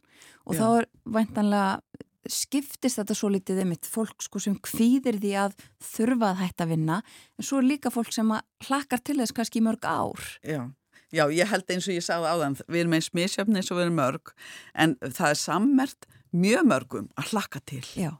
Við hlökkum til þess að eiga frelsið og frelsið, ég vil ekki sleppa því á þriða æfiskeiðinu, að eiga frelsið og, og geta þá gert það sem að hugurinn hefur staðið til. En það sem er svo skrítið og það er ekki síst meðal kallmanna að tómleikin tekur oft við eftir einhverja mánuði eða jafnvel 2-3 ár. Þá er einhvern veginn svona í sálinni einhvers konar tómleiki sem er, upp, sem er upplifun og eiginlega hræðilega upplifun af því að þú ert búin að skilja við þetta, veist eins og þessi hugmynd, já ég er rektor, ég er stjórnmálaður, ég er útdagsmaður að hafa eitthvað svona hérna, identity sem að fylgi starfinu þetta er rétt hjá þér, ég held að þetta sé partur af því en hérna maður það náttúrulega tæmja sér þessu hugsun, maður þjónar sem Já. maður þjónar sem rektor, maður ávikið að starf, maður á e ekki tannig, en svo kemur að því að, að hérna að ég fer að skoða rannsóknir á hvað er best að gera og hvað er vanlega, vanlegast til að tryggja að þriðja æfiskeiði verði það besta. Og það sem ég kom mest á vart, það voru rannsóknir sem snúast um munin á því sem kallast á ennsku helspann og lifespann. Helspann er þá sá tími æfinar sem að þú nýtur heilbriðis, þar að segja að, að heilsan er ekki hamlandi það er ekki þessi heilsubrestu sem hamla lífinu mm. og svo hitt lifespan, það er lífið sem þú átt, það er að segja tíminn sem þú átt og það er nýkomin út skýsla í Breitlandi sem heitir The States of Aging og frá 2022 og það er hérna stopnum sem, sem heitir Center for Aging Better í Breitlandi og þar er þeir að segja að, að árónum sem við njótum helbriðis er að fækka. Uh, lífslíkur hafa minkað aðeins út af COVID en hérna, heilsu líkurnar hafa minkað töluvert og það kom mér rosalega ávart vegna þess að fyrst þá skoði ég nefnilega bandaríska rannsóknir og þá kemur í ljós að samkvæmt bandaríska heilbíðsraðunettinu þá geta bandaríkjumenn búist við eiga 80 ár meðaltali en heilbíði árin eru 66 og það er rannsók sem er byrt af bandarísku hjartasamtökunum uh, sem heitir American Heart, Heart Association mm. En ég hugsa með já bandaríkja menn þetta er hérna munur á helspann, læspann 80 ár og svo 66 ár í heilsu. Þetta eru 14 ár. Og mér fannst það hrikalegt. Ef þú átt 30 góð ár eftir að helmingun af þeim tíma væri jafnvel varið í einhverju svona vandræði. Já, en hvernig þarf, fólk þarf vendilega að vinna samt á þessu, já, bara alla æfi? Alla æfi og, og hérna, en svo er nefnilega góðu fréttina með þessar rannsóknir, þú getur tekið á því nefnilega þegar að, að þú er kona á dæfiskeið, þú getur snúið við blaðinu og gert alveg heilmikið í því. hérna það er nefnilega þannig að það vex, auðvitað eins og við vitum öll tíðni ímissa sjúkdóma á þessu aldurskeiði og flestir eru þessi sjúkdómar lífstílstengdir Já. og það er rétt hjá þér, það er best að byrja ungur en það er líka sem sagt hægt að bara að drífa sig í að, að skoða hvað eru fræðin að segja okkur mm -hmm. og við getum sem sagt snúið þessu við. Já. Þessir lífstílsjúkdómar tengja síðan hjartabilun, hjarta og æða heilabilun, hérna krabbameinum, insulinvanda eða insulinresistans, bólgusjúkdómur, alls konar andlegi kvillar og svo mætti lengi telja. Ég myndi gærna vilja að því marki sem hægt er vera laus við þetta. En það er nú bara þannig að sumur ræði maður yfir og aðru ekki. Já. Og ég held að maður ráði alveg helling með þessa lífstíðsjúkdóma, ég held ekki um það, ég veit það og ég held við vitum það öll. En þá er það bara, þú veist, hvernig, hvernig, hvernig er best að kljást við það? Og þess vegna var þetta nám til Já. í Magnavíta námið sem sagt í Háskólum í Reykjavík. Já, hvernig kennir maður fólki að Já. undirbúa og njóta lífsins? Alveg, sko, takk fyrir að spyrja um það vegna þess að það er stór spurning og það byrja maður alltaf eins og hver annar að sökka sér í rannsóknir. Og ég sökti mér í bækur og, og ég get kannski nefnt nokkrar af mínum uppáhaldsbókum um þetta þriðja æfiskeið og hvernig best er að haga sér. Ég ætla að nefna bók sem er eftir David Sinclair sem heitir Lifespan, Why We Age and Why We Don't Have To Já. Og hérna, þetta er mjög skemmtileg bók og þessi David Sinclair er svona hálfgjert rockstar í þessum fræðum. Svo er hannu bók sem er eftir Benjamin Bickman, hún heitir Why We Get Sick. Og það er ímislegt að læra frá því. Og svo gæti ég lengi talið ég en að ein mín skemmtileg uppáhalsbók sem að tengist nú þessu öllu saman er bókin eftir Viktor Frankl sem heitir Leitin að tilgangi lífsins Mhm. og svo gæti ég lengi tali, ég ætla ekki að fara að telja upp allar mögulega bækur vegna þess að, að ég sökti mér stíð bækur og, og, og, og fræðigreinar um það hvernig maður býr til svona nám, hvernig maður haga sér.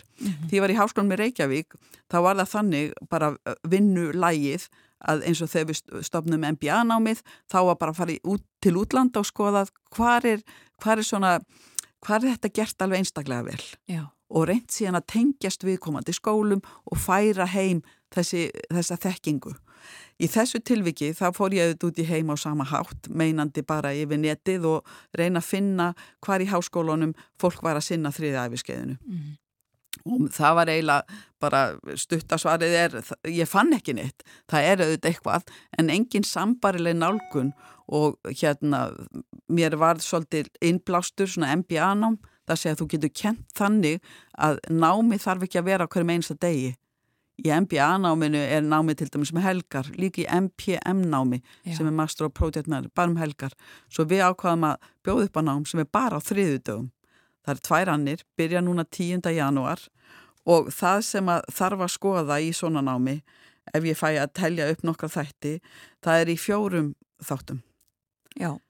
Og skiptist og, auðvitað hlutmengjast en fyrsti þáttun er bara andlegt hreisti eða andleg hreisti síðan líkamleg hreisti þá félagsleg og svo fjárhagsleg þetta eru fjóra vittir, fjóri þræðir sem þurfa allir að vera í góðu standi til þess að maður sjálfu sé í góðu standi það er oft í starfslokanámskeiðum þá bara farið yfir fjármálin það er bara enga vegin að gera það sem þarf að gera Nei. En andlega hreistin snýst ekki síst um heilastarsamina. Andlega örfun, þar að segja vitsmunalega örfun, um gleði og húmor, um að minka streitu, um alls konar áhuga mál, um tilgang lífsins, um öndun og jóka. Þetta tengist allt þessu andlega og, og því að hafa það í lægi.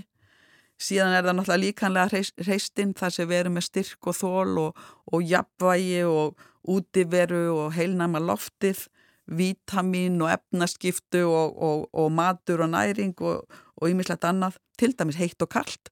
Líkamlega er það mjög gott fyrir okkur eins og við erum svolítið heppin að eiga heitu pottana og, og kalda umhverfið. Já. Þetta er gott fyrir líkamann. Síðan er það félagslega hreistin, sumi segja það sem mikil, mikilvægast. Ef einhver hann úti á, á erfitt með fjölskyldunar reyna að laga það vegna þess að dánabeðinu af því ég vitna í þessar rannsóknir, ég er búin að skoða margar rannsóknir þar af því að það gaman að nálgast aftur og bakk, þá, þá tala fólk um, fólk, fólk um hérna, fjölskylduna sína, ég vildi hefði verið betri við þennan eða hinn eða sæst við þennan eða hinn. Og svo eins með vinnina og félagslega virknin að við séum ennþá eignast nýja vini. Og svo náttúrulega þessi fjáraslega hristi að hérna, það tengis líka því að margi vilja starfa áfram. Já. Við viljum uh, skipta máli, við viljum leggja mörgum. En aftur að náminu þá í HR, við settum þetta saman semst í tíu námskeið. Það sem að fræði bækurnar og, og, og þessar ups, afsakið það sem fræði bækurnar er að segja okkur að við tókum þetta hérna saman í þessi tíu námskeið og byrjum bara 10. janúar á tilgangi lífsins. Já, það er byrjað á stórumálunum. Já. Já, og síðan er Haugur Ingi Jónasson með heimsbyggja og hamíkju sem er rosalega gaman. Hvað, hvað árþúsundin hafa kent okkur um það. Já, og það er hægt að skoða allt þetta sem þið bjóðu upp á uh, með því að bara flettu upp Magnavíta eða inn á Jú, háskólinum í Reykjavík. Magnavíta háskólin.is mm. og samstarfið við háskólinn í Reykjavík, það er opni háskólinn Ragnhildur sem er núverandi rektor hún tók mér opnum örmum vegna þess að hún sagði að einn af þráðum þeirra í stefnumótun er að sinna öllum aldursflokkum og þau eru svo sannarlega að gera það en mér langar að nefna eitt námskeið í má og það er námskeið um störf, nýsköpun og fjármál og það er það að taka þátt í gigghagkernu, halda áfram að vera virkur í, í atvinnulífinu. Já. Þannig að það eru mörg svona námskeið. Takk fyrir að koma til okkar Guðfunni Bjarnadóttir. Takk fyrir það.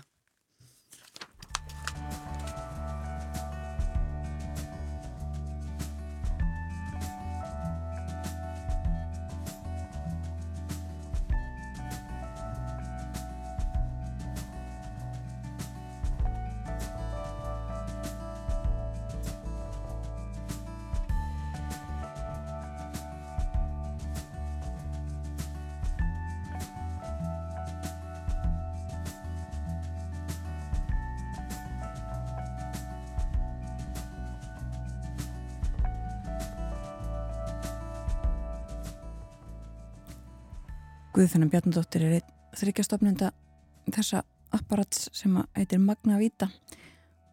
Þau eru öll á þriðja æfiskeiðinu og uh, vildu gera eitthvað til þess að uh, undirbúa sig og aðra sem best fyrir uh, það æfiskeið.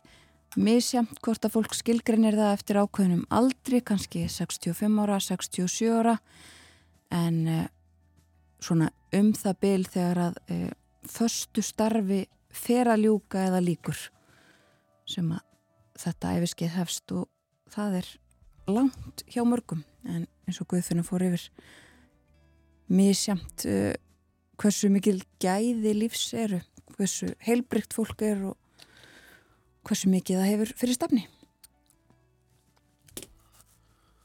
Já, talaðum sem fókbalta Já Það hefur engin fókbólti verið í örfóðadaga. Tvo heldur. En uh, heimsmestramótunni í knarspilni í Katar fer að ljúka. Það eru fjóri leikir eftir 60 að baki. Það er leikið í kvöld í undanúslitunum Argentín og Kroatia mætast og morgun Frakland, Marako. Það pliðin leika svo um bronsverlunin á laugardag og sigurliðin um gullverlunin á sunnudag leikindi klukkan 7 kvöld og uh, þeir hafa áhrif á hefðbundna dagskrá sjómasins eru frétta yfirlitt klukkan halv 7 bæði í kvöld og annarkvöld eða á dag og morgun. Og svo hefðbundin fréttatími eftir leik og uppgjör í HM stofunni. Ráðu gert að fréttina fari í loftið 21.10 en uh, auðvitað gæti komið til þess að framlengja þurru leikina og um, þá rauðilast þetta enn frekar. Já, það hefur nú aldrei skerst hinga til. Það er nefnilega þannig. En uh, já, Argentína og Kroatia í kvöld og Frakland og Marokko, morgun Marokko hefur komið mjög óvart og er sem sagt í undan úslitum og að þessu tilhefni ætlum að fjalla svolítið um Marokko í þættinum á morgun. Og uh, fleira auðvitað að daskra hjá okkur í félagmálið, uh, það er uh, miðugudagur og Borgtór Argrímsson verður með okkur Við sáðum einhverjar nýjar örstutarfréttir eh, frá Danmörku í morgun. Já. Það er ekki ennbúið að mynda ríkistjórn.